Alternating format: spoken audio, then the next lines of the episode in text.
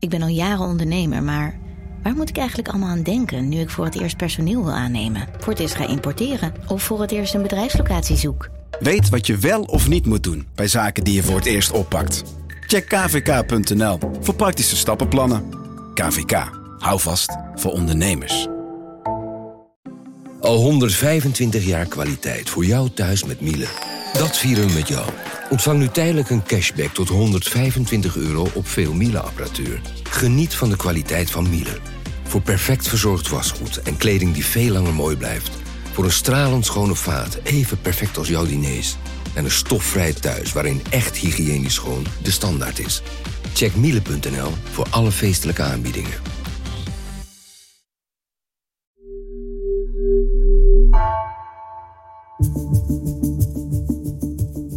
Vanaf de redactie van NRC het verhaal van vandaag. Mijn naam is Egbert Kalsen.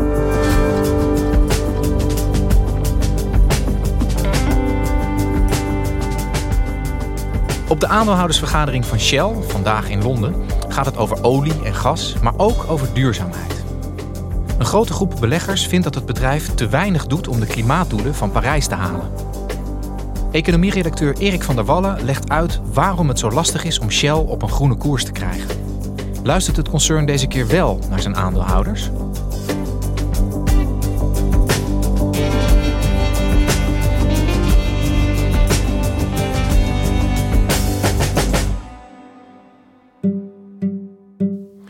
Vandaag heeft eh, Shell zijn eh, aandeelhoudersvergadering. En dat zijn ja, redelijk massale bijeenkomsten bij grote bedrijven, waar, je echt, waar echt honderden mensen aanwezig zijn. En dat varieert van de kleine belegger, die een aantal eh, aandelen in de keukenla heeft liggen, tot vertegenwoordigers van grote pensioenfondsen die voor miljoenen en miljoenen geld in een bedrijf hebben gestoken. En dit is op zich dan altijd een opmerkelijk moment. Het is het enige moment in het jaar dat, dat, dat een bedrijf zeg maar, verantwoording aflegt voor zijn handelen aan beleggers. Dat beleggers vragen mogen stellen. En wat de bijeenkomst bij Shell altijd uh, interessant en spannend maakt de laatste jaren, is de aandacht voor het klimaatbeleid. En er wordt elk jaar, uh, sinds een aantal jaren, wordt er een, uh, een, klimaatresolutie ingediend door de activistische aandeelhouder Follow This. Die eist dat Shell zich houdt aan het akkoord van Parijs. Dat betekent dat de opwarming van de aarde beperkt blijft tot 2 en liever anderhalf graad. En dat gebeurt uh, steeds vaker, ook met name bij oliebedrijven, uh, waarbij er uh, wordt gezegd van ja, jullie doen te weinig voor het klimaat. En dat is vandaag ook het geval bij Shell. Erik, vandaag is de aandeelhoudersvergadering van Shell in Londen. Volgens mij is Shell op dit moment nog een van de grootste vervuilers. Het bedrijf staat zelfs in de top 10 van bedrijven met de hoogste CO2-uitstoot. Die uh, resolutie die vandaag wordt behandeld, die is ingediend door de actiegroep Follow This, zei je al. Wat, wat is dat voor club? Hoe werken zij? Ja, Follow This is een uh, initiatief eigenlijk van uh, Mark van Baal. En die dacht van ja, als er iets moet gebeuren aan het klimaat, kan je dat volgens mij het beste doen via de beleggers. Want Shell zal niet zo snel luisteren naar mensen die met een spandoek bij de voordeur staan, bij wijze van spreken. Ik chargeer het een beetje. Maar aan de beleggingskant kan het pijn doen. Je kunt dus zeg maar aan het bestuur van Shell vragen om iets te veranderen door middel van resoluties. Hè? Zei je al, een, een, een, stemming over een resolutie afdwingen. Hoe, hoe werkt dat precies? Nou ja, die, die moet aan allerlei voorwaarden voldoen. Uh, zoveel aandelen hebben. En dat is bij elk bedrijf weer anders. En je mag ook niet, uh, zoals dat altijd heet, aan micromanagement doen. Dus je mag ook niet op de stoel van de bestuurder gaan zitten. Ja, die, die is de baas per slot van rekening. Maar je kan wel benadrukken dat volgens hun Shell veel te weinig doet. Zich niet houdt aan Parijs en het bedrijf oproepen om veel meer aan het klimaat te gaan doen. Ja, en die beleggers die daar dan aanwezig zijn, die aandeelhouders, die fungeren dus eigenlijk als een soort controlerend orgaan dan van het bestuur via zo'n Ja, resolutie? een beetje net als bij een motie heb je zeg maar dat het in het parlement dat daar een stemming plaatsvindt. En zo moet je dat inderdaad zien. En Volodis vraagt vooral dus onder de vlag van uh, je houden aan Parijs, dat dat in de praktijk betekent dat de uitstoot bij de eigen productie, maar ook van de producten van Shell, dus de machine, dat die uitstoot snel naar beneden gaat. En daarbij moet je denken aan in 2030 een soort halvering van de huidige situatie. En tot uh, ieders verbazing, en uh, zeker ook tot verbazing van Shell, denk ik, bleek vorig jaar ruim 30% van de aandeelhouders bleek voor de resolutie van Volodis te hebben gestemd. De kritiek van aandeelhouders op de klimaatplannen van Shell groeit. Vandaag konden ze tijdens de aandeelhoudersvergadering op twee voorstellen stemmen. Eén voorstel van Shell en één van Follow This, een activistische beleggingsclub. Hoewel het voorstel van Shell won, is de actiegroep blij met de verdubbeling van het aantal stemmen voor het derde jaar op rij. En ehm, ja, dat, dat leidde vervolgens tot een onderzoek, zoals ook de regels eh, in, eh, in Groot-Brittannië eisen. En Shell was toen nog voor de helft Brits en is nu helemaal Brits. En uh, ja, dat leidde uiteindelijk dit jaar, en dat hebben ze eerder gedaan hoor, maar tot een soort manifest voor de aandeelhouder. waarin ze uitleggen hoe ja, verantwoordelijk zij bezig zijn op duurzaam vlak, volgens Shell. En het feit dat er nu weer een resolutie van Volodis vandaag voor ligt, daar betekent dat Volodis vindt dat Shell er eigenlijk niks mee gedaan heeft. Nee, want uh, Shell, en dat geldt eigenlijk voor alle oliebedrijven, en uh, Volodis is ook bij andere bedrijven actief op dat vlak, maar die komen niet met duidelijke doelstellingen van wij willen over tien jaar met zoveel procent de uitstoot hebben teruggebracht. Dat soort absolute normen zie je ook niet bij Exxon en zie je ook niet bij Total en zie je ook niet bij BP en ook niet bij Chevron. Dus je ziet in de praktijk dat Shell vasthoudt aan uh, de overtuiging dat zij voldoende doen uh, om aan Parijs te voldoen. En tot echt grote uh, manoeuvres heeft het niet geleid. Ja, want Erik, hoe, hoe, hoe zit dat nou precies met dat klimaatakkoord van Parijs? Dat is eigenlijk de basis van het klimaatbeleid voor de, voor de komende decennia, zou je kunnen zeggen. Maar kan een land of een regering, een bedrijf dan ook individueel opleggen wat zo'n bedrijf moet doen om te zorgen dat we Parijs halen? Nou ja, op korte termijn kan je dat niet zo snel voor je zien. Want het, eh, er komen niet zomaar regels van uh, bedrijf X moet uh, volgend jaar zijn uitstoot met 10% verlagen. Je ziet wel allerlei maatregelen die voor de langere termijn wel effect hebben. Je ziet bijvoorbeeld dat Nederland ook uh, nu uh, in 2030 de uitstoot met 55% wil terugbrengen. Daar wordt beleid op gemaakt. Maar ja, dat is niet van vandaag op morgen. Daar zijn we natuurlijk al heel lang mee bezig. En ook bedrijven zullen zich daarnaar moeten richten. Maar vergeet niet dat Shell natuurlijk ook gewoon een wereldwijd opererend bedrijf is. En uh, ja, uh, die, die uitstoot vindt ook elders plaats. Dus het is voor een individueel land zeker betrekkelijk moeilijk om een bedrijf zeg maar, helemaal mee te krijgen in, in jouw tijdpad, hè, om het zo maar te zeggen, om, om dan die eh, CO2-reductie te doen. Shell weet natuurlijk dat dat klimaatakkoord van Parijs er ligt. Hebben zij hun, hun beleid aangepast sinds, sinds Parijs er is? Wat doen zij concreet? Het meest concrete wat zij doen in, in, in harde termen is uh, dat zij zeggen in 2050 zorgen wij niet meer voor CO2-uitstoot. Welcome to Transition.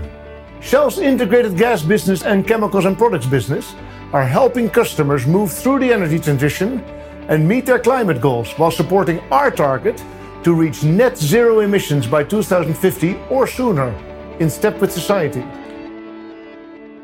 Dat is inderdaad een van de doelen van Parijs: dat we de wereld in eh, 2050 per saldo klimaatneutraal is. Alleen zeggen de experts, uh, ja, maar als jij tot uh, oudjaar uh, 2049 doorgaat met de uitstoot, dan hoeft het eigenlijk niet meer, want dan is de aarde al zo opgewarmd of gaat in het vervolg verder opwarmen, dat het allemaal niet meer zoveel zin heeft. Dus je moet nu uh, al beginnen met uh, in absolute termen de uitstoot terug te brengen. En dat uh, zie je bijvoorbeeld ook aan de inspanningen van, van Europa. Dat in 2030 willen we de uitstoot met 55% hebben teruggebracht.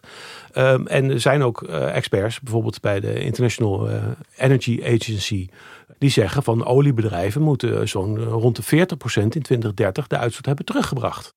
Ja, en heeft Shell al, al zeg maar concreet gemaakt hoe ze dan die, die 2030 deadline gaan invullen? Ja, wat zij doen is dat ze hebben gezegd, we kijken vooral naar onze eigen productie, wat daar aan uitstoot plaatsvindt. Uh, dat gaan we halveren in 2030. Maar ja, zeggen de critici, ja, dat is, dat is hoogstens een paar procent bij de raffinage. Het gaat natuurlijk ook om de uitstoot die in de benzine van jou en mijn auto wordt veroorzaakt. Maar ja, daar is niet echt op dit moment een oplossing voor. Dus uh, ja, zegt Shell dan, maar uh, dat kunnen wij niet alleen. als, als, als jij niet meer bij ons kan tanken, dan ga je bij een ander tanken. Hey, en, en qua wetgeving is het dus lastig, zei je al, om dat op korte termijn af te dwingen bij een bedrijf. Is, is wel eens op een andere manier geprobeerd om Shell te dwingen om zich eerder ja, op een serieuze manier met het klimaat bezig te houden? Je hebt natuurlijk vorig jaar de rechtszaak gehad van de Milieudefensie, die ook internationaal heel veel opzien heeft gebaard. Goedenavond. Voor het eerst beveelt de rechter een groot oliebedrijf om meer te doen aan klimaatbeleid. Shell moet veel sneller de uitstoot van broeikasgassen terugdringen. Dat heeft de rechter bepaald in een zaak die was aangespannen door Milieudefensie en andere milieuorganisaties. De rechtbank in eh, Den Haag heeft uiteindelijk geoordeeld dat Shell in 2030 de uitstoot met 45% moet hebben teruggebracht. En dat is een aanzienlijke eis. Waarom hebben ze dat geëist? Dat beroepen ze zich op het eh, Europese Verdrag voor de Rechten van de Mens. Waarbij ze eigenlijk zeggen van jullie brengen eh, de gezondheid van mensen in gevaar. Dus jullie moeten nu snel handelen. Ja, dus er ligt een uitspraak dat Shell over acht jaar 45% minder moet uitstoten. Ja, en Shell heeft gezegd zich daaraan te houden. Dat is ook logisch, want dat heeft de rechter ook geëist. Dat dat bedrijf zich daar direct aan houdt. Ook al gaat het in hoger beroep. En volgend jaar uh, vindt dat hoger beroep plaats. Maar Shell die is nu al verplicht eh, om te handelen naar de, de uitspraak van de rechter. Ja, en is dat realistisch dat ze dat gaan halen, die 45%? Uh, eh, zoals het er nu naar uitziet, is dat niet realistisch. En het is op zich wel pikant dat ook een, een, een aandeelhouder, een grote belegger, heeft uh, tegen Shell gezegd. Dat nieuws kwam, kwam via de Financial Times naar buiten. Van jullie moeten niet in beroep gaan. Jullie moeten naar de Europese Commissie gaan om te eisen dat die strenge regels voor iedereen geldt. Want dat is natuurlijk een van de argumenten van Shell. Van ja, uh, wij kunnen dat natuurlijk niet alleen. De samenleving blijft om benzine vragen. En als wij het niet doen, dan doen uh, anderen het wel. En misschien nog minder uh, duurzaam dan wij dat kunnen produceren. En Erik, je, je, zou met een beetje welwillendheid kunnen zeggen dat, dat Shell nog wel een punt heeft ook. Ik bedoel, de, de groot deel van onze maatschappij draait nog op fossiele brandstoffen. Het merendeel van de mensen rijdt nog in auto's met, met klassieke verbrandingsmotoren. Hoe reageren zij zeg maar, op die klimaateisen die dan nu aan ze worden gesteld? Ja, het is natuurlijk wel zo dat ook, ook de klant, ook jij en ik hebben een bepaalde verantwoordelijkheid. Maar dat, het is, kan natuurlijk niet zo zijn dat een immens bedrijf als Shell die verantwoordelijkheid uh, helemaal bij de klant legt. Uh, daar zit natuurlijk een bepaalde balans in. En je ziet gewoon dat de, de vraag uh, wereldwijd naar olie en gas blijft stijgen, hoe vervelend we dat ook vinden. En in, in 2016, toen het akkoord van Parijs net was getekend, toen zei de, de bestuursvoorzitter van, van Shell, Ben van Beurden, zei daar het volgende over. Uiteindelijk gaat het er in onze sector om dat wij het, het aanbod aanleveren wat uiteindelijk de samenleving uh, vraagt aan ons. De samenleving vraagt op dit moment om een verdubbeling van de energie. En die moeten wij zo efficiënt en zo koolstofarm mogelijk kunnen aanleveren. En dat is ons beleid. En wat critici zeggen is, ja, um, dat is allemaal wel waar. Maar um, er gaan vele miljarden om in dat bedrijf.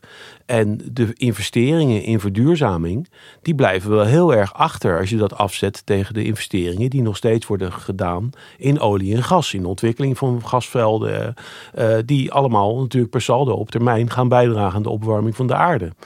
En wat je ook ziet, dat Shell zegt vaak van ja, wij hebben die inkomsten uit de fossiele brandstoffen hebben wij ook nodig om te kunnen investeren in verduurzaming. Maar ja, als je dan ziet dat uh, Shell uh, bijvoorbeeld uh, grote olievelden in, in Amerika verkoopt. En ik geloof dat de opbrengst iets van 7 miljard is. En dat gaat dan grotendeels naar de aandeelhouders. En dan zeggen critici, ja, kijk eens, dat kan je natuurlijk ook in verduurzaming steken. Ja, want doen zij wel iets aan verduurzaming? Ik bedoel, ze zitten ook in, in windenergie en zonne-energie inmiddels, zeker, geloof ik? Zeker, en door de omvang van Shell zijn ze natuurlijk ook meteen daarin een van de grote spelers. Ze zijn actief in windenergie in Nederland. En ook, uh, ze tekenen bijvoorbeeld ook in bij grote projecten in, in Schotland. En dus er, er, gebeurt zeker wat. Alleen het staat natuurlijk niet in verhouding met uh, wat zij nog steeds doen op uh, het gebied van olie en gas. Hey, en, en Follow This, hè, die club van Mark van Baal. Hoe, hoe reageert die zeg maar, op wat Shell dan zegt over hoe goed of hoe min of meer goed zij bezig zijn met die verduurzaming, met die klimaatverandering? Nou ja, die vinden dat zij veel meer moeten doen, veel meer moeten investeren in verduurzaming. En Mark van Baal geeft ook aan die, die spanning aan van uh, de korte termijn en de lange termijn. Natuurlijk, we kunnen niet vandaag en ook niet morgen van de fossiele brandstoffen af. Maar we kunnen wel vandaag beginnen met anders te investeren. En anders investeren is natuurlijk niet meer zoeken naar nog meer olie en gas, maar zoeken naar nieuwe businessmodellen in duurzame energie. Heeft, heeft Shell al gereageerd op die nieuwe resolutie van Follow This? Uh, ja, ze uh, komen altijd met een, met een uitgebreid schrijven voor de aandeelhouder. Om te laten zien wat zij doen en wat er allemaal op het spel staat in die aandeelhoudersvergadering. En zij noemen uh, in een reactie op die resolutie noemen zij de inhoud onrealistisch. En uh, ja, dat is eigenlijk de afgelopen jaren uh, wisselt dat een beetje. Ze hebben het uh, onnodig genoemd, van we doen toch aan Parijs. Ze hebben het ook unreasonable, dus onverstandig genoemd. En wat, wat eigenlijk de, de, de rode lijn is, dat het Shell-bestuur wil zich niet beperkt voelen door zo'n resolutie. Wil dus zelf de teugels in handen houden. Want ze denken van ja, als wij dingen moeten doen die niet gelden voor de, voor de, voor de concurrent, dan worden wij op achterstand gezet. Ja.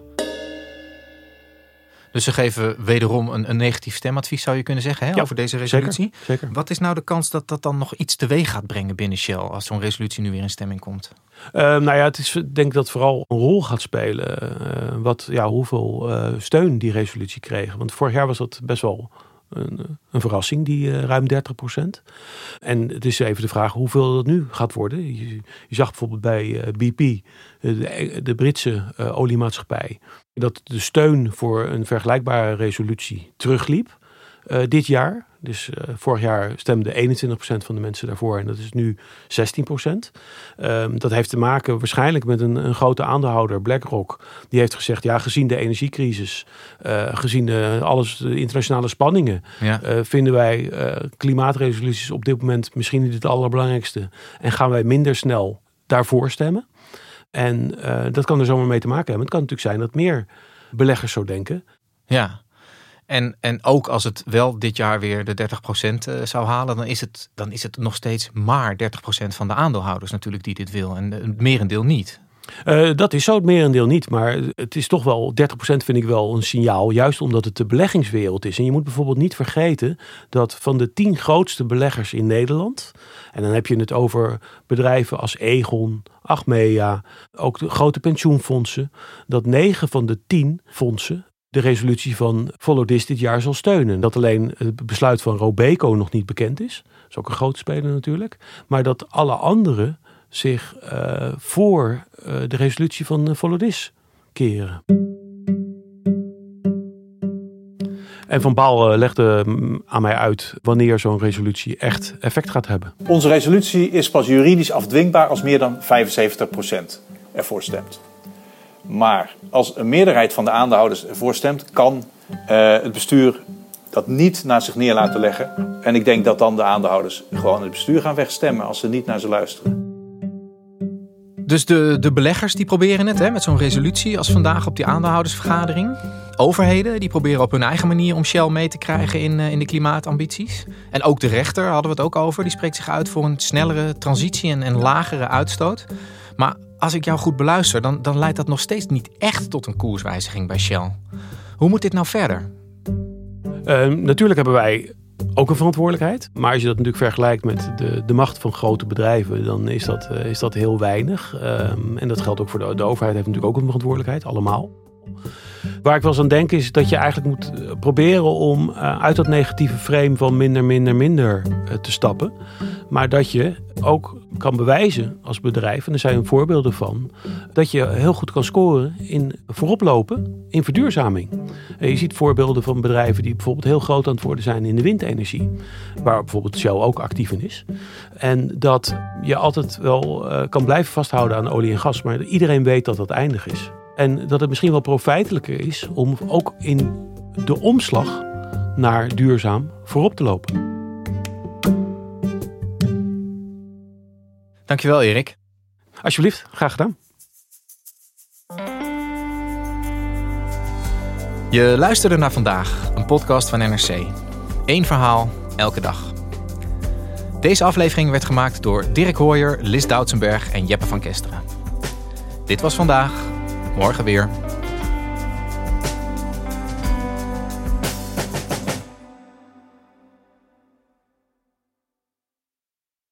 Technologie lijkt tegenwoordig het antwoord op iedere uitdaging.